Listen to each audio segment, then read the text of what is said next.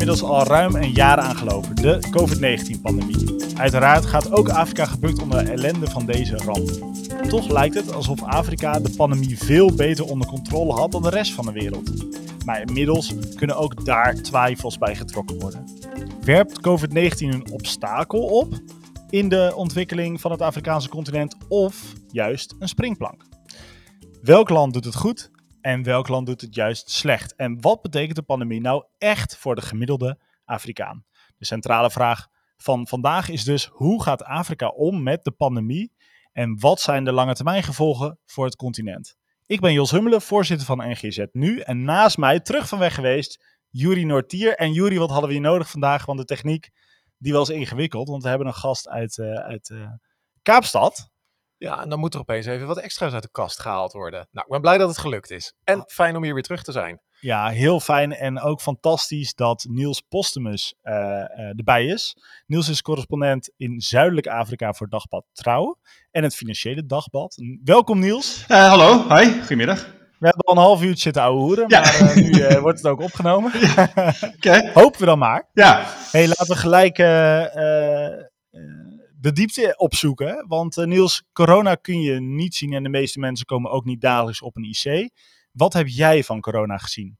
Um, nou ja, ik heb, ik heb veel reportages uh, gemaakt uh, in, in Zuid-Afrika. Want ehm, ik ben al een jaar eigenlijk het land niet uit geweest vanwege corona.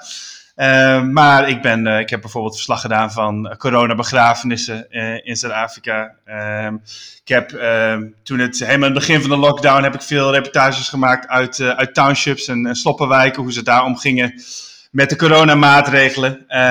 dat, soort, dat soort zaken. Het enige waar ik eigenlijk niet echt veel ben geweest zijn de ziekenhuizen. Want die worden vrij goed afgeschermd van de, voor de media in, in Zuid-Afrika. Afgezien van hele gezette tijden als de overheid wil dat je uh, daar komt kijken. Ja, dat is, neem ik aan, omdat we anders kunnen uh, falsificeren dat het allemaal een koep is van de elite. Hè? Of wordt dat niet uh, zo gezien in, in Zuidelijk Afrika? Um, ik, ik heb niet het idee dat dat nou per se de, de complottheorieën zijn die hier in Zuid-Afrika leven. Er zijn wel uh, allerlei uh, wantrouwende uh, theorieën natuurlijk over de vaccins en al dat soort dingen. Maar ik heb, en, en Bill Gates, dat, die kwam in het begin ook nog wel veel voorbij. hè, dat, en dat het een complot zou zijn om, om de zwarte bevolking te decimeren. Dat soort verhalen kwamen in het begin nog wel voorbij. Maar ik heb niet het idee dat dat, dat nou echt schering en inslag is in, hier in Zuid-Afrika in ieder geval. De rest van Afrika. Oké, dus uh, Zuid-Afrika, wordt daar dan ook, komt dat zwart-wit denken dan ook naar voren? Of uh, ga ik nu te snel? Uh, ja, in, in, in, in het begin van de, van, de, van de lockdown, zeg maar, van de uitbraak, kwam dat, wel, kwam dat in de township zeker wel hier en daar, stak dat de kop op. En dat heeft te maken natuurlijk met de apartheidsgeschiedenis van, van Zuid-Afrika. toen er ook een speciaal bureau was voor um, chemische en biologische oorlogsvoering, die ook bijvoorbeeld bezig was met de ontwikkeling van, van een middel waar dan zwarte vrouwen onvruchtbaar van moesten worden. Dat is uiteindelijk nooit gelukt, maar daar, toen waren er ook allerlei plannen om dat via vaccinatiecampagnes uh, stiekem bij, bij de zwarte bevolking te injecteren, zodat die bevolking, de zwarte bevolking niet al te veel zou groeien, voor als dat er democratie zou komen, dat, dat de witte minderheid niet al te klein zou worden in, in verhouding. Of dat de zwarte meerderheid dus niet al te groot zou worden. Dus die historie van de apartheid speelt, steekt in Zuid-Afrika bij alles eigenlijk vroeg of laat wel de kop op. En dat was hier in het begin van de coronaperiode ook wel zo. Maar ik, ik heb wel het idee dat dat vrij snel weer is uitgedoofd. Ik, ik heb dat al heel lang niet meer gehoord. Je schrijft momenteel een boek over de Nederlandse roots in Zuid-Afrika, ook met betrekking tot apartheid. Bij deze de uitnodiging om daar in, uh, in de zomermaanden voor nog een keer in de Afrika's te komen. Zeker, dat doe ik uh, graag. Maar nu nog meer over, over corona. Want wat kom je tegen als je naar buiten gaat? Je zit nu in Kaapstad, maar je woont eigenlijk uh, in Johannesburg. Wat, wat kom je tegen in die twee grote Afrikaanse steden? Ja, nee, je moet eigenlijk, uh, je moet eigenlijk het, het afgelopen jaar een beetje opdelen in verschillende fases, denk ik. Uh, toen toen corona net uitbrak, ging Zuid-Afrika in een hele strenge lock lockdown. Dat was nagenoeg rond dezelfde tijd als, als Nederland, dus eind maart. En uh, toen was er eigenlijk in, uh, in Zuid-Afrika nog niet zo heel veel aan de hand. waren niet zo heel veel besmettingen. Maar toen hebben ze het land hier echt rigoureus uh, dichtgegooid. Dus toen mocht echt niemand meer de straat op. Ehm, is dat verstandig, achteraf gezien? Ja, uh, de, dus de economische schade is enorm. Maar, uh, en ze doen het ook niet nog een keer, daarom denk ik. Uh, maar ik, ja, in die tijd, in, in maart, april, werd Zuid-Afrika door de Wereldgezondheidsorganisatie bijvoorbeeld enorm geprezen. Omdat ze zo proactief en zo daadkrachtig optraden. Maar, Oké, dat was fase 1 en toen kwam fase 2? Ja, dat, ja dat toen, die, die, die lockdown heeft een maand. Hè, dat was dus, was dus een lockdown, dus je mocht niet naar buiten, helemaal niet. Uh, en uh, er was een alcoholverbod, dus uh, je mocht alleen nog naar, alleen nog naar, naar buiten om boodschappen te doen. maar er was een alcoholverbod, dus je mocht, er was, mocht geen alcohol meer verkocht worden. En dat is langzaam zo richting juni, juli is dat toen is dat, stapsgewijs eigenlijk afgebouwd. En ehm, eigenlijk een beetje tegengesteld aan, aan het aantal besmettingen. Want juist de uitbraak die kwam hier heel erg in juni, juli, augustus. Uh, en toen ging Zuid-Afrika juist steeds meer open. Dat was voornamelijk onder enorme druk, uh, economische druk. Uh, ja, omdat er waren, heb ik ook, heb ik ook een reportage over gemaakt. Er was gewoon enorm veel hongersnood. In, in, want ja, niemand komt meer naar zijn werk. Je moet ook altijd in je hoofd houden in Zuid-Afrika en Afrika natuurlijk als geheel nog sterker. Mensen kunnen niet heel makkelijk, of lang niet iedereen kan heel makkelijk van huis uit werken, omdat lang niet iedereen internet thuis heeft. Dus er waren gewoon heel veel mensen die, die geen inkomen meer hadden plotseling. En uh, bijvoorbeeld ook alle, ja, alle straatkaartjes, alle straathandel was ook verboden, want niemand mocht op straat zijn. Uh, dus waren... Jullie, kom tussendoor. Ja, ik, gelijk ook een tweede vraag erachteraan hoor. Maar ja. um, je noemde net dat er een alcoholverbod was ingesteld. Ja. Waarom is dat? Waarom, waarom dat? Waarom juist een alcoholverbod? Nou, um, eigenlijk uh, om de ziekenhuizen zo leeg mogelijk uh, te krijgen. Uh, Zuid-Afrika, zoals jullie waarschijnlijk wel weten, heeft een vrij groot uh, geweldsprobleem. Uh, veel, veel, geweld, veel gewelddadige criminaliteit. Um, en uh, ook heel veel verkeersongelukken. En beide zaken, dus zowel het geweld, dus hè, het huis, of het nou huiselijk geweld is of geweld in de kroeg, um, ja, wordt deels veroorzaakt door alcohol, net zoals heel veel verkeersongelukken. Uh, dus ongeveer, ongeveer 30% van alle uh, opnames op de eerste hulp zijn alcohol gerelateerd in Zuid-Afrika. Oh nee. Oh, maar het had dus eigenlijk niks met corona zelf te maken, maar meer met het sparen van de ziekenhuiscapaciteit. Ja, precies. Want de, de Ramaphosa, Cyril Ramaphosa, de president van Zuid-Afrika, die heeft ook aangekondigd dat die harde lockdown er voornamelijk was om de ziekenhuiscapaciteit te vergroten. Dus er zijn toen allemaal noodziekenhuizen gebouwd in het land. Uh, en uh, voor de time being hebben ze dus toen geprobeerd om alle ziekenhuizen zo leeg mogelijk te krijgen. En een, ja, van de belangrijkste redenen daarvoor was dus, uh, of maatregelen was dus om te zorgen dat niemand meer alcohol kon drinken. Of tenminste, nou ja, dat, er zijn natuurlijk altijd mazen in de wet. En dat leek toen ook heel erg te helpen. Want ik, ik weet de cijfers niet meer helemaal precies uit mijn hoofd. volgens mij zijn in die, die eerste twee maanden ook iets van duizend mensen minder vermoord in Zuid-Afrika, bijvoorbeeld. Hè, en, dat, niet, niet dat die het bijna als interessant om voor altijd in te voeren dan. Ja, nou ja dat, dat, dat is ook wel. Hè, we hebben nou, um, uh, nou met Pasen bijvoorbeeld is er ook weer uh, voor vier dagen een alcoholverbod ingevoerd. Terwijl, ja, voor COVID hoeft dat helemaal niet meer. Maar ik heb wel het idee dat de Zuid-Afrikaanse overheid een beetje het licht heeft gezien. Uh, dus dat je, dat je zeker met dit soort ja, public holidays, dus feestdagen als Pasen en Kerst en dat soort dingen. Want, hè, want dan gaat iedereen naar huis, dan gaat iedereen heel veel drinken. Dat, uh, ja, dat, dat doen ze nou dus ook met Pasen. Terwijl dat heeft echt niks meer met COVID Moeten wij een keer. Uh, er is natuurlijk een boek uitgekomen, Bier voor Afrika. Of Heineken in Afrika heb je ja, ook. Klopt, ja. Moeten wij een keer een, een, een podcast maken over alcoholgebruik in Afrika? Of is dit echt een Zuid-Afrika-probleem? Uh, poeh, ja, nou ja, het is natuurlijk sowieso niet in heel Afrika, omdat je ook in Afrika landen hebt, islamitische landen bijvoorbeeld, nee, waar Afrika verboden is. Waar we bijvoorbeeld verboden. de grens oversteekt naar Namibië, ja. uh, Mozambique, uh, Lesotho, Swaziland, zie je dat dan daar ook? Hier in Zuid-Afrika hebben, hebben heel veel landen een heel groot alcoholprobleem. waarbij wel moet gezegd worden dat, dus, dat het grootste gedeelte van de Zuid-Afrikaanse bevolking helemaal niet drinkt.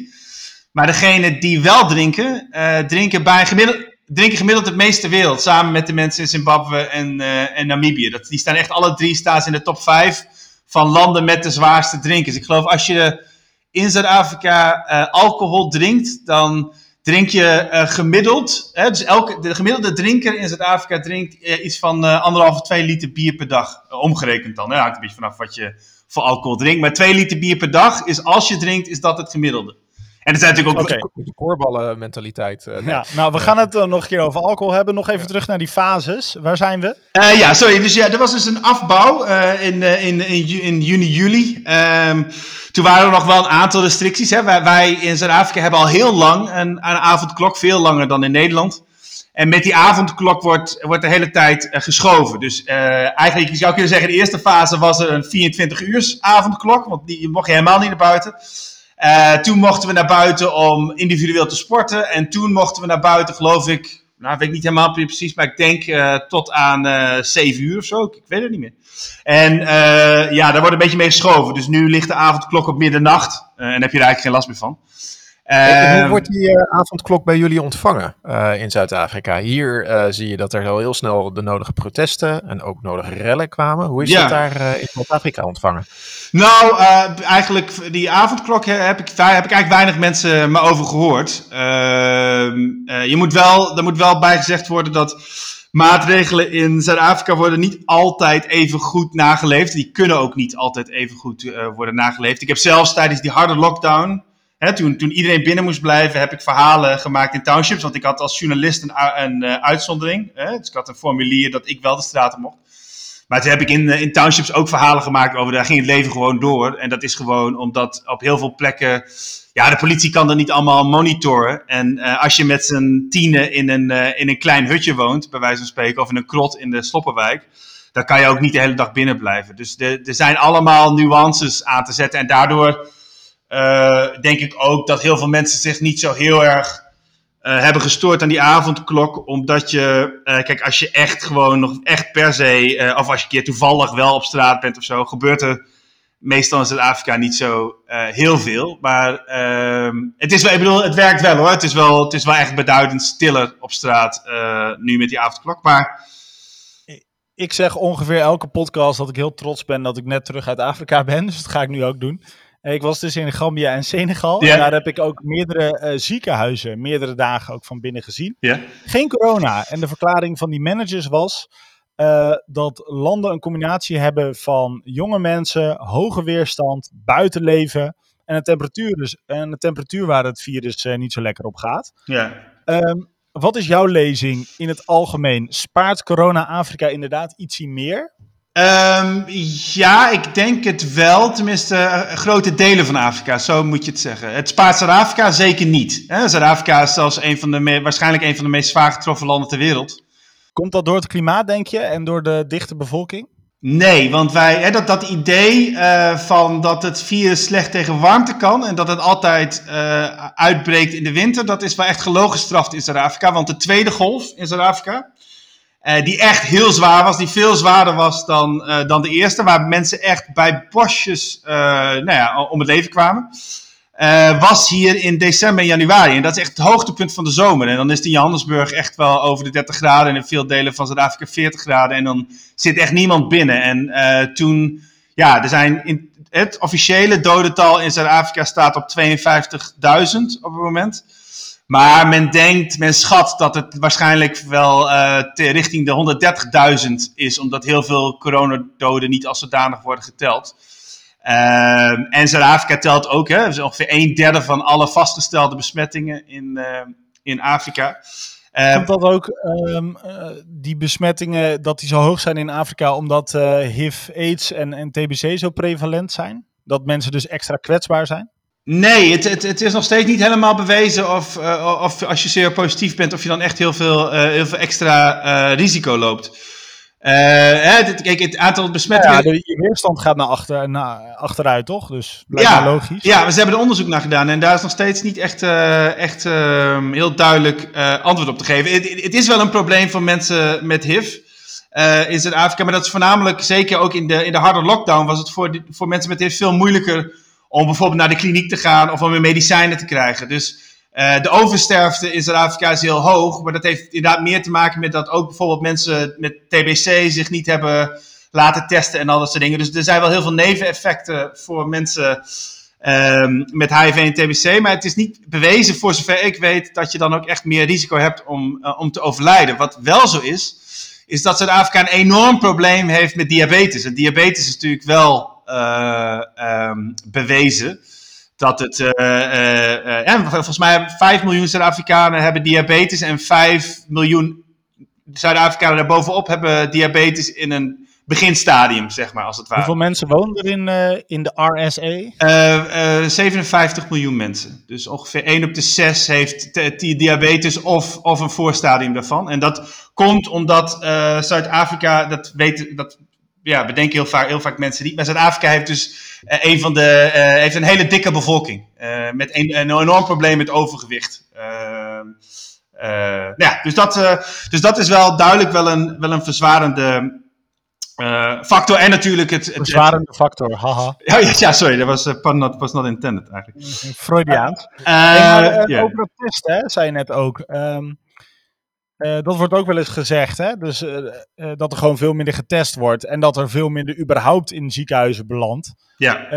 en dat mensen dan zeggen, ja, er onttrekt zich gewoon, er, er voltrekt zich wel een ramp, maar dat onttrekt zich aan het zicht. Ja. Uh, hoe reageer jij op dat soort stellingen? Ja, ik denk dat daar, ik denk dat daar in, in, in, op veel, in veel landen best wel wat in zit. Uh, ja, Zuid-Afrika heeft dus ongeveer een derde van alle vastgestelde besmettingen, maar dat komt ook gewoon omdat Zuid-Afrika verreweg de meest ontwikkelde economie van uh, Afrika is, waardoor waardoor je, je, je vrij makkelijk kan, uh, kan laten testen hier. Maar zelfs in Zuid-Afrika is het voor iemand met geld uh, of iemand die wel vaart, is alweer veel makkelijker om zich te laten testen dan uh, iemand uh, op het platteland of in de townships. Dus ehm, dat geldt ook gewoon voor de rest van Afrika. Je hebt natuurlijk gewoon veel landen waar, um, waar gewoon veel minder tests zijn. En dan ja, wordt het aantal besmettingen ook toch, het vastgestelde besmettingen in ieder geval wat lager. En je, je moet dus in Afrika denk ik ook bijvoorbeeld als je naar het sterftecijfer kijkt veel meer kijken naar de oversterfte dan naar het aantal uh, coronadoden. Omdat,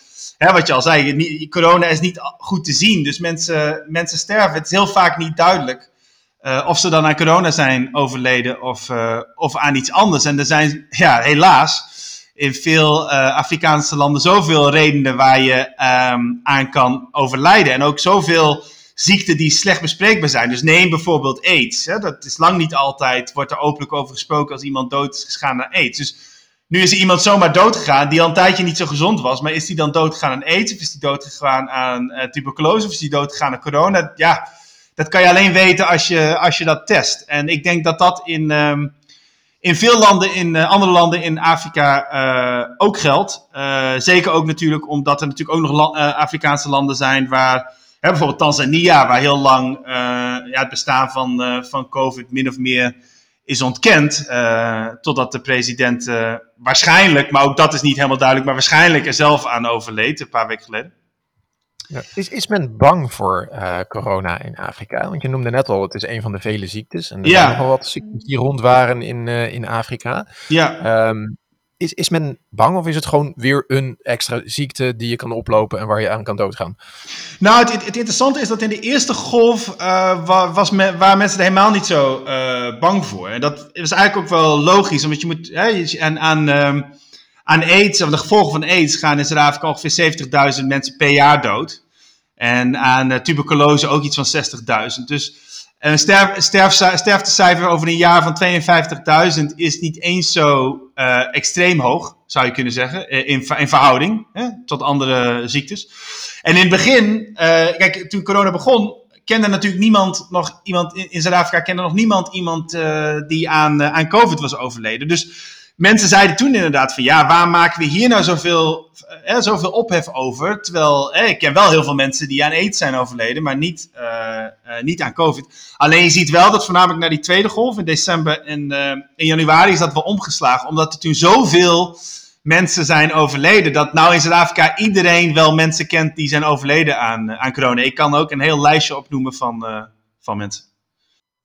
Je luistert naar de Afrikas, de enige podcast met volledig oog voor dat zuidelijke continent pal onder ons. Superleuk dat je luistert. Ben je extra geïnteresseerd in gezondheidszorg? Luister dan ook even de laatste aflevering helemaal terug.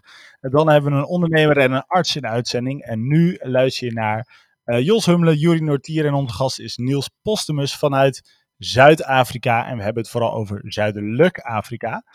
Niels, ik had nog een vraag voor je, want die gezondheidssystemen, houden die het een beetje? Um, nou ja, goed, wat ik, uh, ja, het, is dus niet altijd even makkelijk om, uh, om ziekenhuizen in te komen. Er zit natuurlijk ook een groot verschil weer in, in Zuid-Afrika en in, in andere landen. Als je bijvoorbeeld in, naar Zimbabwe kijkt en heel, heel, veel, heel veel Afrikaanse landen natuurlijk. Ja, was dat zorgsysteem al lang ontoereikend voordat corona kwam. Dus de, de, zullen heel veel COVID-patiënten überhaupt niet in een ziekenhuis terechtkomen waarschijnlijk. In Zuid-Afrika is er, is er een heel groot verschil. Zuid-Afrika is economisch het meest ongelijke land ter wereld. En uh, je hebt die private en uh, publieke ziekenhuizen. En in publieke ziekenhuizen was het op de top van die twee coronagolven die we hebben gehad, was het, was het chaos en drama. De, de BBC heeft daar een hele heftige reportage over gemaakt, ook over ziekenhuizen in, op het platteland in Zuid-Afrika. Nou, dat, ja, dat, dat leek, ja, dat was verschrikkelijk eigenlijk om te zien. Uh, in de private ziekenhuizen was het ongetwijfeld ook heel vol, maar ging het, ging het wel redelijk goed. Alleen ja, daarvoor moet je een, een zorgverzekering hebben en die kost heel veel geld. Dus maar 18% geloof ik van de Zuid-Afrikanen heeft zo'n verzekering. Dus ehm, ja, dus daar, zit gewoon heel, wederom weer een heel groot verschil tussen, de, tussen de rijken en de, en de armen, ook in Zuid-Afrika. Naast alcoholgebruik is iets wat ook heel prevalent is, is dus in veel Afrikaanse landen, is ongelijkheid. Uh, groeit de ongelijkheid eh, nu ook extra in Zuid-Afrika? Ja, ja, zeker. Dat, uh, dat, dat kan je wel stellen. Um, Hoe werkt dat? Nou, kijk, degene die, de, degene die um, thuis kunnen werken bijvoorbeeld, uh, zijn over het algemeen de mensen met geld. Hè? Die hebben thuis hebben ze een uh, internetconnectie. Uh, in de dienstensector. Precies, werken in de dienstensector. vaak zelfs internationaal, dus dan moest toch al veel online. Dus die zijn, hebben eigenlijk gewoon door kunnen werken. Ehm, de mensen die hun geld hebben geïnvesteerd, bijvoorbeeld in aandelen uh, ja, hebben ook relatief weinig last, omdat uh, ook hier is de beurs, doet het, doet het vrij, vrij oké. En het zijn natuurlijk de arme mensen die, um, die, die de baantjes hebben, hè, bijvoorbeeld weet ik, een beveiliger of schoonmaker op een school of, of dat soort zaken, waarbij je echt fysiek aanwezig moet zijn. En dat zijn voornamelijk de mensen die A, in, voor, een groot deel van vorig jaar geen, helemaal geen inkomen hadden. En uh, nu uh, ook vaak hun baan hebben verloren. Omdat bijvoorbeeld uh, private scholen ook financieel worstelen. En dan hun conciërge tijdelijk, in plaats van twee conciërges, maar één conciërge nemen. En er zijn natuurlijk nog. De, de, restaurants en cafés zijn nou allemaal gewoon weer open. Maar die zijn ook best wel een tijd gesloten geweest. En werkt natuurlijk heel zeker ook bijvoorbeeld hier in Kaapstad, waar ik nu zit. Werken natuurlijk heel veel mensen in de bediening in restaurants en cafés. En die hebben allemaal heel lang geen inkomsten gehad en die hadden al geen spaargeld. Dus die hebben zich dan of in de schulden gestoken. En, nou ja, dus daar zijn veel problemen. En je ziet ook bijvoorbeeld dat uh, kinderen uh, op, op, op publieke scholen, in, uh, ja, dus de scholen, ja, ook daar heb je private scholen en publieke scholen, maar in veel township scholen op het platteland zitten heel veel kinderen in de klas, zeggen klassen van 40 kinderen. Nou, er mogen nu nog maar vanwege de coronaregels 25 kinderen in de klas zitten. Dus ze hebben die klassen opgesplitst. Uh, waardoor nog, tot, nog altijd heel veel kinderen maar de helft uh, van de dagen les krijgt, bijvoorbeeld. En dat gaat nu al bijna een jaar zo. Dus ja, als je dan uh, twee jaar school neemt, heb je een heel jaar verloren. Dus ook, ook voor de lange termijn is dat een heel groot, heel groot probleem, denk ik. Is er, is er iets van overheidssteun gegeven in het afgelopen jaar? met name om deze groepen die nu economisch gezien op achterstand komen of die echt hun baan verloren zijn, om die te ondersteunen? Ja, ja in, in, in dat opzicht is Zuid-Afrika ook wel. Zuid-Afrika is gewoon een veel rijker en ook ontwikkelder land dan de meeste, meeste uh, landen in Zuid-Afrika onder de Sahara. En uh, je ziet ook dat Zuid-Afrika heeft dus een systeem uh, opgezet waarbij een deel dus hè, voor vergoeding voor, um, van mensen die werkloos zijn geworden tijdelijk. Um, de, uh, Zuid-Afrika heeft een systeem uh, van uh, uitkeringen. Bijvoorbeeld kinderbijslag bestaat in Zuid-Afrika, pensioenen bestaan in Zuid-Afrika, gehandicapte toeslagen bestaan in Zuid-Afrika. En die zijn allemaal tijdens de lockdown zijn die allemaal ietsjes verhoogd. Alleen, dus dat is op zich is dat heel erg te prijzen. En Zuid-Afrika heeft zelfs een, een speciale extra uitkering ingevoerd tijdelijk voor mensen die nooit een baan hebben gehad. Dus een soort van bijstandsuitkering. Alleen de bijstandsuitkering in Zuid-Afrika, die tijdelijke bijstandsuitkering is bijvoorbeeld 20 euro per maand per persoon. En de kinderbijslag in Zuid-Afrika is geloof ik ook maar 25 of 30 euro per maand per kind. Dus het gaat om hele kleine bedragen. En die kinderbijslag is dan verhoogd volgens mij van 30 naar 35 euro. Weet je wel? Dus je moet het een beetje in die, uh, in, die, in die omvang zien. Maar ja, Zuid-Afrika doet wat het kan. Maar het zijn, uh, ja, het zijn natuurlijk hele kleine bedragen. Ja, het, maar goed, er zijn, er zijn gewoon heel veel mensen in Zuid-Afrika die uh, van heel weinig geld moeten leven. Dat was al zo. Zie je dat ook al echt op straat? Toegenomen armoede en de effecten van deze lockdown en alle economische malaise die eruit voort is gekomen? Um, hier in Kaapstad uh, zie je het wel. in de zin dat er gewoon veel minder, veel, sorry, veel meer daklozen in de binnenstad zijn dan, dan een jaar geleden. In Johannesburg vond ik het lastig te zien. En dat heeft gewoon te kijken, wat ik zei, dat meer dan de helft van alle Zuid-Afrikanen leeft, leeft van, leefde al van minder dan 3 euro per dag. Uh, dus de helft van Zuid-Afrika leefde al onder de armoedegrens. Dus dat zal ongetwijfeld nu misschien 60% zijn, maar dat valt dus niet zo heel erg op. Hè? Er, was al enorm veel armoede. Maar uh, ik denk wel dat je op de lange termijn ook gaat zien, uh, of tenminste is het interessant om te zien, bijvoorbeeld als de grenzen weer echt open gaan wat er dan gebeurt. Want uh, Zimbabwe bijvoorbeeld, uh, hij heeft natuurlijk een hele zwakke economie. Daar is COVID en lockdowns zijn er overheen gekomen. Dus ik kan me voorstellen dat er bijvoorbeeld weer meer immigranten uit Zimbabwe naar Zuid-Afrika komen. Nou ja, dat, dat zou wel een impact hebben ook op de economie. Want ja, met alle werklozen die hier al zijn. Want het werkloosheidspercentage is wel opgelopen en staat volgens mij op recordhoogte sinds, sinds 1994. Dat is bijna Oké, hoeveel procent? Nou ja, de, de officiële, uh, volgens de officiële definitie van de regering is, uh, is 31% van de bevolking, van de arbeidsbevolking werkloos. Uh, maar dat is een hele enge definitie. Dus het, waar een hele hoop mensen niet zijn meegeteld. Dus beter is eigenlijk om te zeggen dat zo'n 45% van de arbeidsbevolking zonder werk zit. Dat is een. Maar goed, dat was ook al uh, bijna 40% voor COVID. Dus uh, Zuid-Afrika zat, zat al in een enorme diepe crisis. Um, Zuid-Afrika zat al in een recessie voordat uh, COVID überhaupt begon. En eigenlijk heeft Zuid-Afrika zich nooit goed economisch hersteld van de wereldwijde crisis in 2008. Daarna is de Zuid-Afrikaanse economie eigenlijk nooit meer echt gegroeid. Dus het land zat al in een hele zware crisis. En die is nou natuurlijk nog ver, veel, veel, veel verernstigd. En uh, dat geldt natuurlijk ook nog voor, voor, voor meer landen in, in Afrika, zoals Zimbabwe en Mozambique, waar het ook allemaal al ellende was voordat COVID überhaupt begon.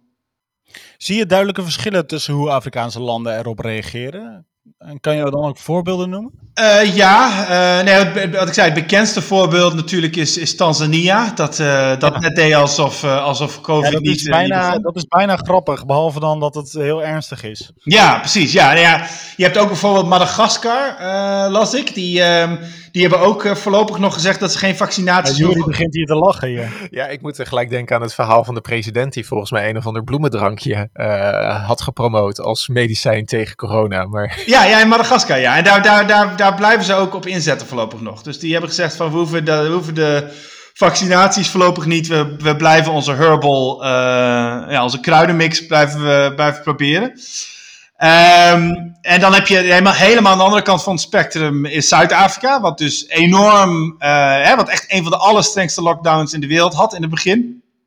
Uh, en daar heb je natuurlijk allerlei uh, vormen tussenin zitten. Kenia, uh, las ik, heeft ook intussen weer zijn regels behoorlijk aangescherpt. Omdat in Oost-Afrika lijkt men nou aan de derde golf toe.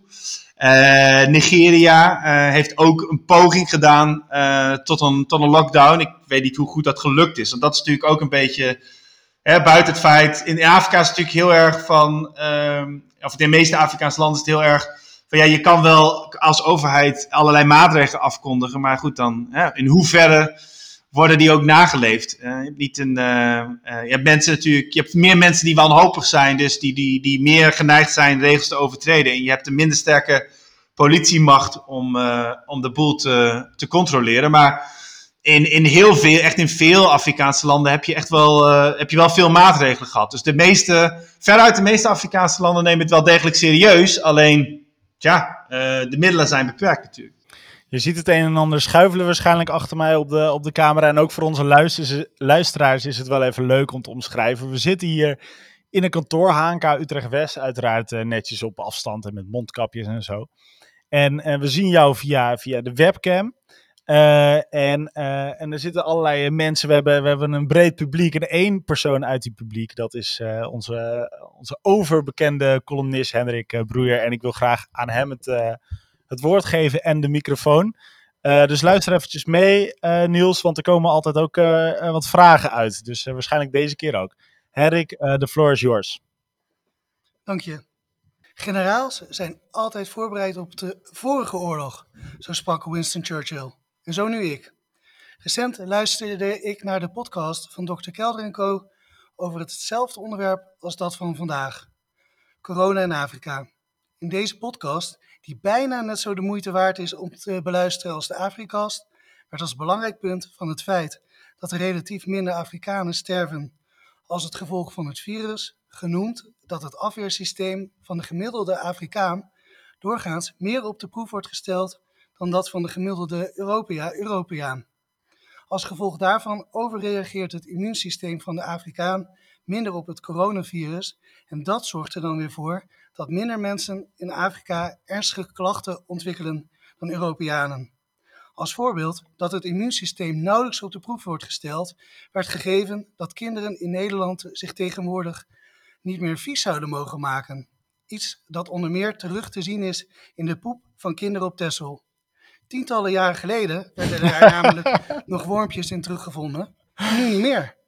Het klonk mij als een verwijt in de oren aan de westerse landen. Alsof we eigenlijk maar weer eens wat smeriger moeten gaan leven. Tja, misschien zouden we de stenen uit de straten moeten trekken en onze riolen moeten afsluiten, zodat we van onze wegen weer middeleeuwse modderpoeder maken. En cholera zodoende weer hartelijk welkom kunnen eten. Een godspe. Al moet ik toegeven dat ik persoonlijk blij zal zijn als de mensen die pre-coronatijd altijd handwash bij zich hadden, dat niet meer doen. Die zelfgenoegzaamheid waarmee die lui, naar elke hand die ze geschud hadden, hun eigen handen ontsmetten, was ondraaglijk. dat terwijl verder helemaal niemand de moeite nam zijn handen zo obsessief te ontsmetten, en dat zulks toch bepaald niet betekenen dat al deze mensen ziek werden. Waaruit blijkt dat het dus volstrekte onzin is om jezelf en mij op, op die manier te mishandelen. Maar goed, aangezien in de column van Radio 1 het nut van een slechte hygiëne uiteindelijk wel wat genuanceerd werd, zal ik mijn column dan ook maar wat nuanceren. Ze bedoelde in die column niet dat we als beesten moeten gaan leven, en mensen mogen hun irritante gewoontes heus best wel blijven behouden van mij, meestal. Dit alles neemt niet weg dat de focus naar mijn inzicht altijd gericht moet zijn op meer hygiëne, in Nederland en in de rest van de wereld. In mijn vorige column wees ik op het belang van internationale samenwerking en solidariteit. En ook nu, bij de bestrijding van de coronacrisis, ligt de oplossing daar weer in gelegen. Wat ik daarom bovendien wil toevoegen is transparantie. Geïnspireerd door de recente ontwikkelingen in de Nederlandse Tweede Kamer ben ik er een nog groter voorstander van geworden dat we eerlijker en opener zijn in de politiek. Daarmee bedoel ik niet dat elk land en al, haar leiders maar ongefilterd moeten zeggen wat ze op dat moment denken. Zoals de laatste president van de Verenigde Staten deed. En zoals ik eerder in deze column. Maar wel opener dus. Niet alleen over wat onze gemeenschappelijke belangen zijn, maar juist ook over nationale belangen. Voorop, voorop staat in een pandemie als deze het gemeenschappelijke belang. We kunnen in Europa ons het heen en weer vaccineren. Als in Afrika niemand wordt gevaccineerd, dan zullen we in no time geconfronteerd worden met een mutant van het virus waar het vaccin niet tegen werkt. Maar we mogen er ook heus best wel een centje aan verdienen. Althans, ik ben op zijn minst benieuwd hoe onze gast van vandaag tegen dit vraagstuk aankijkt. Daarom de volgende twee vragen.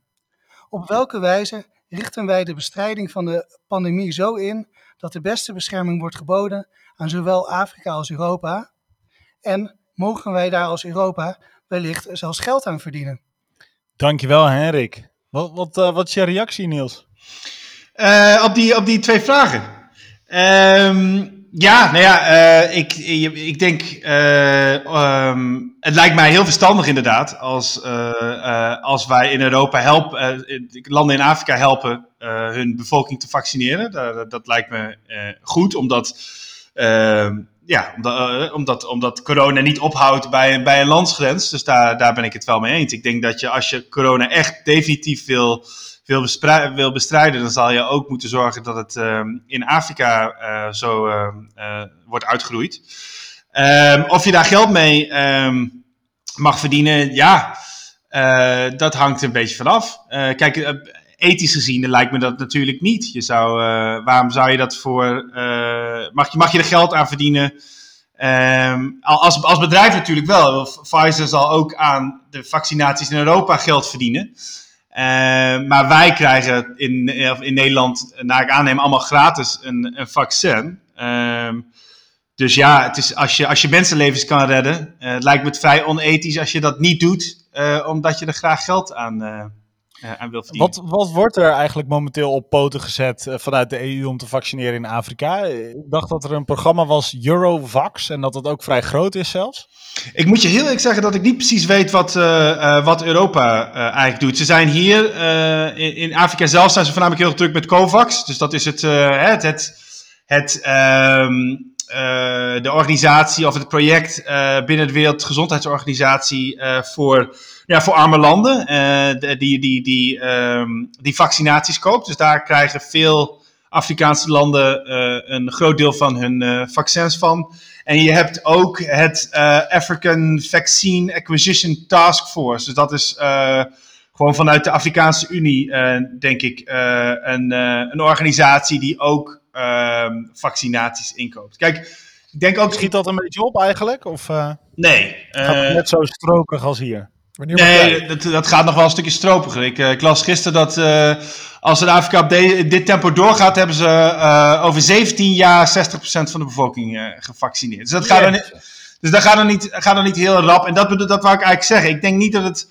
Maar dat betekent dus, uh, Zuid als gesteld dat Zuid-Afrika het gemiddelde is, of, of misschien wel. Nou ja, beter, beter dan het gemiddelde. Nee, beter dan het gemiddelde, denk ik. Dus dat ja. wij ook pas over zo'n 20 jaar pas een beetje safe zijn. Ja, oké, maar dat, hè, het, komen. We, we, mogen aannemen dat Zuid-Afrika op een gegeven ogenblik zijn, zijn tempo wel een beetje opschroeft.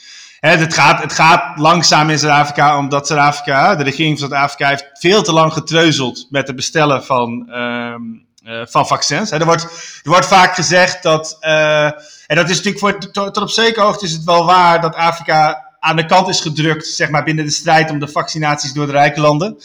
Maar dat is ook een beetje, ja, dat, dat is deels waar. Maar heel, heel veel Zuid-Afrikaanse regeringen, en zeker ook de Zuid-Afrikaanse regering, heeft ook gewoon zelf gefaald op dat, uh, op dat vlak. Uh, de, uh, de, de, de, Johnson Johnson vaccin wordt hier zelfs geproduceerd. En nog steeds had Zuid-Afrika daar niet echt een voorwaarde aan verbonden dat ze dan misschien zelf ook een paar van die vaccins zouden krijgen, zeg maar. En dat, dat is nou ondertussen. Dus er, zijn, er zit een soort van vertraging uh, in het vaccinatieproces. Maar het, het doel van Zuid-Afrika is om uh, begin volgend jaar 60% van de mensen gevaccineerd te hebben. Dus, Oké. Ja. Want, want hoe afhankelijk zijn Afrikaanse landen, of bijvoorbeeld Zuid-Afrika, hoe jij hem in wilt vullen deze vraag, van, van de goodwill van westerse landen? Zijn ze ook door dat treuzelen nu nog afhankelijker geworden? Nee, ik denk, ik denk dus niet. Ik denk niet dat Zuid-Afrika heeft, uh, heel waarschijnlijk echt hele arme landen, Burundi of zo, uh, is vast uh, de meer, van, meer afhankelijk van, van, van steun. Maar een land als Zuid-Afrika heeft echt Europa niet nodig om wat vaccins te kopen. Kijk, het gaat natuurlijk niet zozeer om de kostprijs van de vaccins. Het gaat veel meer om hoe zet je het logistiek op.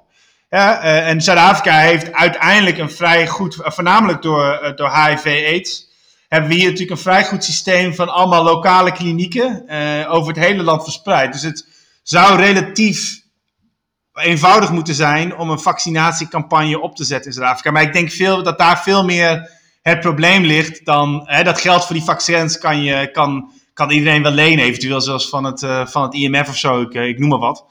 Uh, dus dat is natuurlijk niet echt het, echt het probleem. Het, het, het probleem is, is, is logistiek. En, en, het, en dat geldt voor landen als Congo of zo natuurlijk veel meer nog dan Zuid-Afrika. Dus hoe, hoe ga je in de binnenlanden van Congo iedereen bereiken. En, en, en, het, ja, en natuurlijk op het platteland ook, en dat geldt denk ik zelf, zelfs in Zuid-Afrika. Het bestaat natuurlijk gewoon veel minder informatie. Mensen weten natuurlijk gewoon veel minder over COVID. Uh, dus om die mensen te bereiken, om die mensen te overtuigen dat ze, dat ze een vaccinatie moeten, moeten krijgen, zou in theorie lastiger kunnen zijn. Maar ik, ik denk niet hoe, dat het... Hoe zit het met die vaccinatiebereidheid in, uh, in Zuid-Afrika? Uh, hier in Nederland, ik heb het idee dat heel veel mensen willen, we kunnen niet wachten totdat ze die spuit in hun armen krijgen. er is natuurlijk ook wel wat weerstand. Maar hoe zit het daar?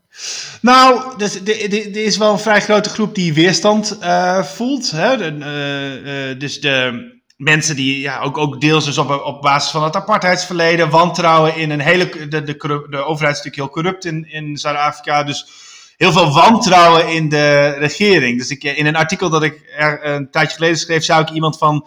Hé, je moet eigenlijk dat vaccinatiecampagne zoveel mogelijk uh, adverteren en ook laten organiseren door bijvoorbeeld uh, de drogisterij of zo. Je moet eigenlijk zorgen dat de overheid er zo min mogelijk mee geassocieerd wordt. Omdat mensen veel dus meer... De afzender is belangrijk. Het maakt eigenlijk niet uit wat erin zit of uh, door wie het gemaakt is. Maar welk stickertje er op, de, op het busje staat, daar gaat het dan om.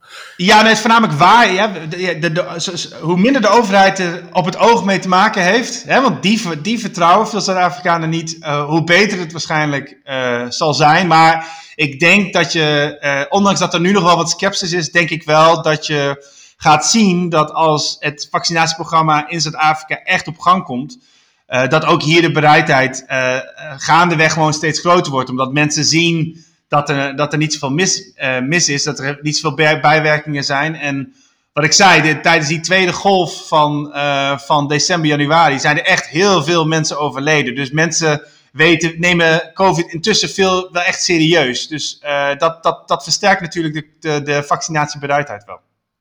Ja, en Niels, in deze podcast proberen we ook steeds uh, naar de relatie op zoek te gaan. Dus tussen, tussen wij hier in het Westen uh, en, en, en mensen uit Afrika. Ik wou zeggen Afrikaners, maar dat is te beperkt. Ja.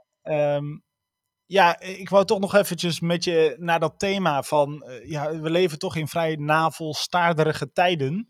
En uh, uh, mijn, mijn arm eerst, zullen we zeggen. En, en elk landje voor zich. In de EU fixen we dat al nauwelijks. vanaf wanneer denk je dat het echt een probleem wordt? Dat we dan denken van, want ik, nu zie ik elke keer in de krant zo'n zo'n dingetje staan van hoeveel procent er gevaccineerd is in Nederland. En dat is nu rond de 20. Uh, uh, want de eerste prik is niet zo interessant. Gaat om de laatste prik. Maar eigenlijk gaat het niet om de laatste prik in Nederland. We zijn ook nog dan afhankelijk van Duitsland en België. En omdat de wereld zo met elkaar verbonden is, zijn we ook gewoon afhankelijk van wanneer de laatste plek is, prik is gezet in, in Afrika. Gaan we, gaan we, gaat dit nog een enorm thema worden in de komende jaren? Of uh, voorzie jij dat niet? Nou ja, voorlopig zal het, nog wel, uh, zal het nog wel een thema zijn. Uh, ik geloof dat Afrika als continent heeft volgens mij als doel gesteld om 750 miljoen mensen te vaccineren. ze hebben net um, 400 doses van de Johnson Johnson vaccin besteld. En dat zou geleverd moeten worden in juni, juli. Uh, dus dan kan je in het derde kwartaal van het jaar kan je op vrij grote schaal echt gaan vaccineren. Um, wat volgens mij overal in de wereld ziet, is dat alles steeds net iets trager gaat dan, uh, dan dat je hoopt. Uh, maar ik, ik, ik, neem aan dat uiteindelijk in Afrika ook in 2022 het, het, het, ja, 2022 het target van de 60% van de bevolking wel, wel gehaald, gehaald te zijn. En dan zou het in principe natuurlijk uh, het probleem uh, ja, zo goed als, uh, of in ieder geval zodanig geminimaliseerd moeten zijn dat het geen echt groot probleem meer is. ja, en of dat, of dat gaat lukken, ja, dat weet je natuurlijk nooit helemaal zeker. Maar... ik zie, ik zie zo'n doemscenario voor me dat, er, dat nou, wij in Fort Europa dan een beetje veilig aan het worden zijn of redelijk veilig zijn. En dat dat virus zich maar blijft muteren. We gaan het zo meteen nog even over de zuidelijke Zuid-Afrika variant hebben. Maar dat het maar blijft muteren en, en dat we dat dus ook op een gegeven moment importeren. Uh, en, en dat we zodoende het, ja, het steeds endemischer wordt en we maar ja, na deze vaccinatieprogramma's uh, nog meer moeten uitzetten. Of, of zeg je van nou, dat is wel erg somber Jos. Cheer the fuck up. Ja, dat, dat, dat lijkt, lijkt mij persoonlijk uh, iets, iets, iets wat aan de negatieve kant. Ik denk wel echt dat het, uh, ik denk dat het sneller gaat dan je, dan je denkt. Uh, het gaat dus langzamer dan Europa, maar het gaat sneller dan je denkt. omdat ik zeg, juist ook in, in veel landen, zoals Zuid-Afrika, heb je dus juist ook. Hè, en dat geldt trouwens, in Zuid-Afrika heb je HIV, AIDS en in West-Afrika heb je natuurlijk ebola gehad.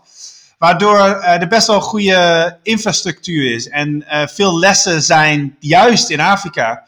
Die, uh, die je kan gebruiken om een, om een pandemie ehm, goed te bestrijden. Er zijn gewoon, Afrika als continent heeft gewoon meer ervaring met hele zware, ernstige pandemieën dan, dan wij in Europa. Dus ik, ik, ik denk dat het, dat het uiteindelijk best goed komt. Alleen dat het, het, het probleem is natuurlijk dat dat met een enorme uh, voornamelijk ja, met een enorme uh, aantal over, overlijdens is gekomen dan tegen die tijd. En, en voornamelijk ook met een enorme economische schade. En die economische schade, daar gaat Afrika zeker, en met Afrika natuurlijk tot op zekere hoogte ook de rest van de wereld, echt nog daar heel, heel, heel erg lang last van hebben. Ik denk dat daar veel meer het probleem zit dan, dan het virus zelf.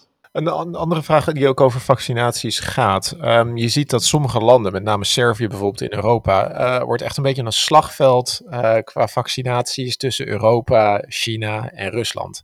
Uh, elk land probeert er eigenlijk met een zekere vorm van diplomatiek hun eigen vaccin aan de man te krijgen en op die manier ook voet aan de grond te krijgen. Speelt dit ook in Zuid-Afrika of in om de omringende landen? Nee, niet, ik heb niet het idee dat er echt een strijd is. Volgens mij hebben, hebben hè, dat, dat, uh, dat COVAX-programma van het Wereldgezondheidsorganisatie uh, is dus juist centraal geregeld. En dat heeft volgens mij nou voornamelijk AstraZeneca uh, gekocht. En het Afrikaanse Vaccine Acquisition Task Force heeft dus heel erg ingezet op Johnson Johnson. Er, zijn, er worden ook al die landen, zoals Zuid-Afrika, die heeft dan ook een aparte eigen afspraak met Pfizer en, en dat soort zaken. Er zijn ook wel onderhandelingen met uh, China over dat Chinese vaccin. maar ik heb niet het idee dat, dat het hier. Hè, ik denk dat Afrika dat graag zou hebben, dat, dat Rusland en China hier zouden komen om al hun vaccins hier te dumpen. maar ik heb niet het idee dat dat op hele grote schaal gebeurt nu. Daarvoor, ik denk misschien dat dat later gebeurt, maar op dit moment zijn er wereldwijd natuurlijk gewoon nog tekorten aan vaccins. Dus wie, wie ze wil hebben, moet ervoor betalen. Uh, tegen de tijd dat er meer vaccins zijn dan dat er in de arm worden gespoten, zeker in de westerse wereld, dan krijg je misschien dat effect, dat iedereen zich kwijt wil gaan raken in, uh, in Afrika. Maar ja, ook dumping. Ja, ja, ja, goed, maar ja, ook in dat geval zou ik zeggen, weinig gevallen van dumping zijn positief, maar als je dump ze maar hier, zou ik, uh, uh, zou ik zeggen, zolang ze goed getest zijn natuurlijk. Oh, ik ben wel een beetje verrast. Ik dacht, ik had wel voorzien dat er dat de Chinezen bijvoorbeeld met veel bombardie naar op specifieke strategisch handige plekken een, een, een grote Antonov zouden laten laten neer, uh, neerdalen. En dan met, met Chinese vlaggetjes. En dat weer op de Chinese staatstelevisie als programma, uh, propaganda. Maar, maar dat gebeurt dus helemaal niet. Die Chinezen die, die, die wachten ook nog eventjes met, met de vaccine scramble for Africa. Ja, ik heb heel weinig hier gehoord over, over het Chinese vaccin. Maar ik, ik, denk ook, ik denk dat China heeft ook nog niet zijn hele bevolking gevaccineerd. Dus ik denk dat die voornamelijk een vaccin ook voor zichzelf willen houden. Denk ik. Maar nee, het is uh, wat ik zeg, de, de, vac, vaccine, de vaccinaties die, waarmee nou echt, waar echt de nadruk op ligt in, in, in Afrika zijn AstraZeneca en, en Johnson Johnson. En Johnson Johnson heeft natuurlijk als een enorm groot voordeel dat je maar één prik hoeft.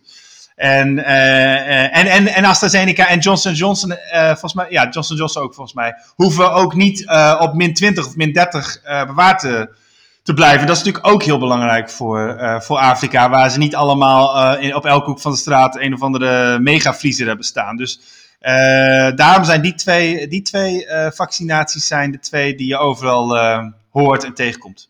Hey, en hiervoor, je noemde ook al eigenlijk het grote probleem van deze hele coronacrisis in Afrika, vooral in de economische effecten en vooral in de economische malaise die hieruit volgt. Wat moeten wij nog verwachten in de komende periode aan economische effecten? Um, en wat zou er aan gedaan kunnen worden om het te verzachten? Um, ja, dat is, een, uh, dat is een hele goede vraag. Ik, uh, ik denk wat je in ieder geval gaat zien. veel Afrikaanse landen worstelden al met een behoorlijke schuldencrisis. dat heeft ermee te maken dat, ehm, dat heel veel landen, zeg maar rond uh, na 2008 ehm, een beetje boven stand hebben geleefd, heel veel geld hebben geleend. Ehm, een aantal landen, zoals bijvoorbeeld Zambia, is een goed voorbeeld, uh, is in principe zo goed als uh, failliet eigenlijk. Um, en je ziet bijvoorbeeld ook in Zuid-Afrika dat de staatsschuld hier echt ondertussen wel gevaarlijk hoog begint, begint op te lopen. Waar moet ik aan denken? Uh, Amerikaanse proporties? Nee, ik geloof dat het, uh, hoe, dat weet ik niet helemaal in mijn hoofd. Ik geloof dat het idee is dat over, over een jaar of drie, over een paar jaar de staatsschuld op 90% is geloof ik van het GDP.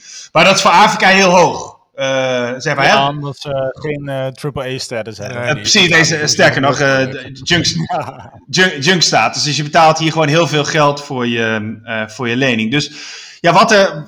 Eh, en, en daarbij komt natuurlijk dat, het, uh, uh, nou ja, dat er ook veel werkloosheid weer is gecreëerd. dat natuurlijk een. Nou ja, eigenlijk alle problemen die je ook in Europa hebt, alleen dan wat urgenter. Hè? Heel veel bedrijven die over de kop zijn gegaan en dat soort zaken. dus wat kan je eraan doen? Ik denk dat één, één ding, één, iets wat je eraan zou kunnen doen, zou bijvoorbeeld schuldenkwijtschelding zijn, denk ik.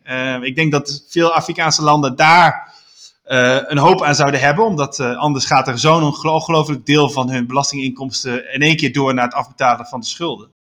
Wie moet die schulden kwijtschelden? Um, dat hangt er natuurlijk een klein beetje vanaf waar ze die schulden bij hebben. Um, wat ik niet allemaal ja, precies. Dat is mijn vraag. Ja, nou ja, ik, ik, ik, uh, ik neem aan, maar dat weet ik niet zeker, maar ik neem aan dat natuurlijk dat voornamelijk ook uh, westerse, westerse instituties en banken zijn. Die hè, die, die veel, um, veel, veel hebben uitgeleend. Um, IMF hebben, hebben natuurlijk ook veel Afrikaanse landen schulden bij. Dus ja, je zou, het, je zou de schulden kwijt. Ik bedoel, dit in. in weet eigenlijk niet meer precies wanneer dat was, maar een, jaar of 10, 15 geleden heb je natuurlijk ook een hele grote, vrij grote schuldkwijtschelding gezien um, uh, in, in, in, in veel landen in Afrika. En uh, dat is natuurlijk ook wel tegelijkertijd een beetje het probleem van ja, je kan wel eindeloos schulden blijven kwijtschelden, maar het probleem is natuurlijk ook dat Afrika zelf, heel veel Afrikaanse landen zelf, op de grote voet hebben geleend, geleefd en te veel geld hebben geleend. Um, en dat is natuurlijk het probleem, want je wil ook dat, je wil niet alleen dat de schulden worden kwijtgescholden en dat de schuldenlast afneemt, maar je wil ook dat er natuurlijk meer geld binnenkomt. Um, en daarvoor, ja, daarvoor heb je een goed functionerend, functionerende belastingdienst nodig. En een afname van de zwarte, economie, uh, zwarte markt. En uh, ja, meer werkgelegenheid. Ik moet me even helpen, Niels. Want uh, je hebt de, de Wereldbank, hè, World Bank. Ja. Dus dat is volgens mij voor, de, voor de korte termijn. Uh, en dan heb je Internationaal Monetair Fonds, IMF, zoals je het net al zei. En dat is uh, wat meer op de lange termijn gericht. Klopt dat of is het precies andersom? Ik, ik moet je heel eerlijk zeggen dat ik ook niet helemaal, uh, ze niet helemaal precies weet. Oké, okay. nou dan is mijn vraag. Ehm, zijn er in, in, in Nederland en Europa hebben we het over coronabonds of eurobonds of geef het een andere naam zodat je het wel weer wil. Maar zijn, zijn er ook dat soort leningen te doen voor landen die. Uh, uh, voor ontwikkelingslanden? Nou, ik denk dat het, ik denk dat het een stuk lastig is in, in, in veel Zuid-Afrikaanse landen, omdat je, hè, zo'n, die eurobonds komt ook uit, uit de centrale bank van de Europese bank, natuurlijk. En dat kan volgens mij deels, ik, ik ben geen econoom, maar dat kan natuurlijk deels omdat de, de euro een sterke munt is. En kijk, als je heel veel extra um, um, uh, obligaties of bonds gaat uitgeven als bijvoorbeeld de Zuid-Afrikaanse Reserve Bank. Uh, dan moet je natuurlijk heel erg oppassen dat je het vertrouwen in de Zuid-Afrikaanse munt niet uh, ondermijnt. Hè? Wil de, de, de Zuid-Afrikaanse munt, rand, heeft, al, heeft tijdens corona ook al best wel weer wat waarde verloren ten opzichte van de dollar en de, en de euro. Um, de inflatie is trouwens heel laag, maar dat is logisch, omdat, uh, uh, omdat je dus een enorme economische, economische crisis hebt. Maar je moet natuurlijk wel oppassen dat je dat je, je eigen munt niet gaat, uh, gaat ondergraven. Dat is natuurlijk, het, dat is natuurlijk het gevaar, denk ik. Als je allerlei financiële constructies gaat verzinnen om je staatsschuld, ja, eigenlijk zeg maar kunstmatig omlaag, omlaag te brengen. Nou, wij proberen in deze podcast altijd iets politieks, iets economisch. Nou, dat is wel gelukt, maar toch, even naar, toch naar, terug eventjes naar corona. jij woont nu nog een paar maanden in Zuid-Afrika, het herkomstland van de Zuid-Afrikaanse variant van het coronavirus. Vertel ons even kort wat die onderscheidt van het, uh, van het Wuhan-virus. Uh, als ik dat zo mag zeggen. Want het enige wat ik weet is dat deze variant mogelijk iets gevaarlijker zou zijn voor jongeren en misschien iets besmettelijker.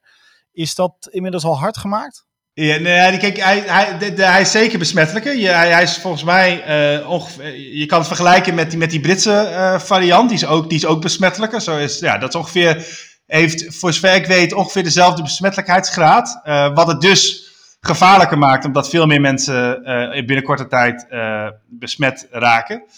Het gevaar van, um, van de Zuid-Afrikaanse variant zit hem verder voornamelijk in het feit dat hij resistent bleek tegen de antistoffen van het lichaam, die het lichaam had aangemaakt tegen de Wuhan-variant. Dus waardoor je eigenlijk als het ware voor de tweede keer corona uh, kan krijgen. Wat in Zuid-Afrika dus ook heel erg regelmatig is gebeurd. Dus heel veel mensen die in de eerste golf corona kregen, kregen het in de tweede golf weer. Omdat die Zuid-Afrikaanse versie zich dus weinig aantrekt van het feit dat je lichaam al antistoffen heeft uh, opgebouwd. Terwijl die Wuhan-versie, als je daar weer, hè, als die ja, daar weer aan wordt blootgesteld, um, nou, heb je dus een soort van weerstand. Dus je, je weerstand um, die met, het, met een besmetting met het Wuhan-virus had opgebouwd, um, uh, ja, ja, was dus niet zo heel relevant voor de Zuid-Afrikaanse versie. Maar goed, dat neemt niet weg. Hij is, er, is, geen bewijs dat, dat, het, dat het dodelijker is. Ook dat idee dat, uh, dat die besmettelijker was voor jongeren, um, is volgens mij ook geen uh, hard bewijs voor geleverd. Het was meer dat in Zuid-Afrika de tweede golf uitbrak onder jongeren. Omdat het hè, met afstudeerfeestjes en uh, dat soort zaken. Dus het ging heel erg rond onder jongeren. Dus daardoor leek het alsof het gevaarlijker was voor jongeren. Maar daar is uiteindelijk volgens mij niet echt bewijs voor gevonden. En voor zover ik weet, um, werken de vaccins die we hebben ook vrij goed tegen, uh, tegen de Zuid-Afrikaanse versie. Zeker als je kijkt naar uh, ernstige symptomen en, en overlijden. Daar, daar werkt het, werken de vaccins ook heel goed tegen. Volgens mij tegen de besmetting op zichzelf iets minder goed dan uh, tegen die andere versies, maar ook nog redelijk goed. Dus het, zeg maar, ik heb ook wel het idee dat de echte paniek die er toen ontstond in december, toen Nederland ook even, heel even zijn luchtruim sloot voor vluchten uit Zuid-Afrika, ik heb het idee dat die ergste paniek wel weer wat weg is gezakt. Maar het probleem is dus wel dat in principe je dus geïnfecteerd kan worden met die Zuid-Afrikaanse versie. En dat is natuurlijk wel onprettig. Laten we wel eens. Ik wil nog even een conclusie van je weten eigenlijk, Niels. Want we zijn ongeveer aan het einde gekomen van deze podcast. Als je nou... Denk je dat... dit is mijn stelling. En jij mag zeggen of je het eens bent of oneens. afwezigheid van bewijs wordt te veel gezien als bewijs van afwezigheid van het coronavirus. Oeh, ja. Uh, ja, ik, ik denk dat ik het daar. Ik, ik denk dat, daar, dat je daar grotendeels. Dat dat grotendeels waar is. Ja. Ik denk dat je. Ik denk dat het heel moeilijk is om de situatie in Afrika en in Afrikaanse landen echt één op één te vergelijken met de situatie in Europa of, of in Nederland. en dan puur omdat hier weinig gevallen zijn vastgesteld en relatief weinig doden zijn vastgesteld, te stellen van oh ja, maar in Afrika valt het allemaal wel mee. Dat, daarvoor is de testcapaciteit en de gezondheidszorg en allerlei andere zaken op dit continent gewoon um, ja, dermate minder goed geregeld.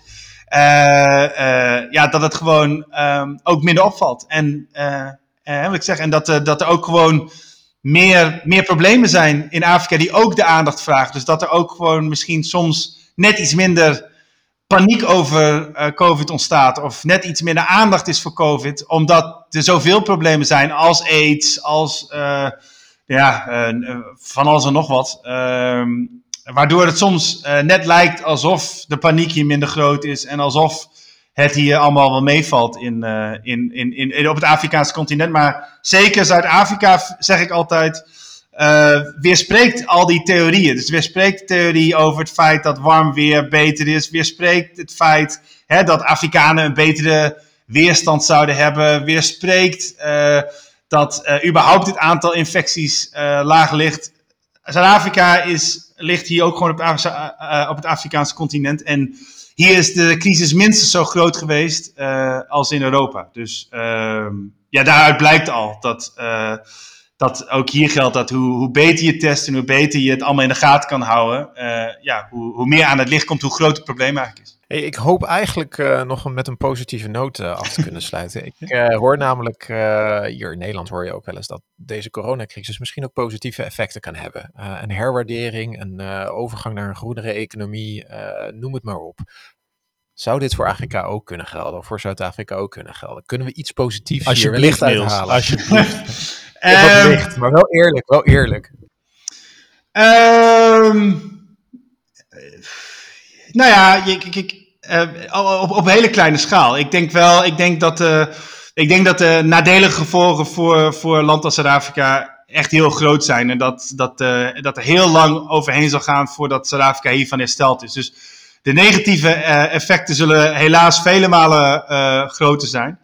Daar staat tegenover wel bijvoorbeeld nou, de, de, kleine winst die is gemaakt. Bijvoorbeeld, wat je er ook van vindt, maar dat Zuid-Afrika bijvoorbeeld wel beter is, beter is gaan nadenken over het probleem met alcohol bijvoorbeeld. Hè? Wat, je, wat je dus bijvoorbeeld rond de feestdagen doet met alcoholverkoop. Uh, ook natuurlijk, net zo goed als dat met het ebola-virus in West-Afrika was, dat ook Zuid-Afrikaanse landen natuurlijk wel veel intensiever hebben moeten samenwerken met elkaar in de bestrijding van van het virus. Dat heel veel is geïnvesteerd, ook bijvoorbeeld in laboratoriumcapaciteit. allemaal, hè, allemaal, allemaal dat, soort, dat soort zaken. Ehm, daar kan natuurlijk, daar kunnen wel positieve dingen, dingen uitkomen. Maar ja, helaas, ik zou ook heel graag iets positiefs willen zeggen. Maar ik, ik ben bang dat. Um, ja, dat de economische schade groter is dan de, dan de positieve dingen die we hier uit gaan halen op termijn.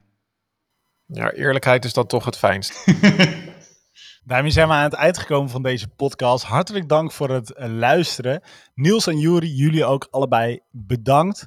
Als je naar deze podcast luistert, ga dan even naar Facebook of LinkedIn. En uh, zorg dat je je abonneert. Blijf op de hoogte. NGZ Nu of SIP Utrecht. En raad deze podcast ook eventjes aan. Terwijl ik dit zeg, loopt Juri tegen de lamp. en uh, en uh, zo eindigen we toch nog met een grappige noot. Mijn naam is Niels Hummelen en ik hoop dat je de volgende keer weer luistert. Tot over twee weken. Dan gaan we het namelijk hebben over IT in Afrika. Niels, nogmaals hartelijk dank. Tot dan!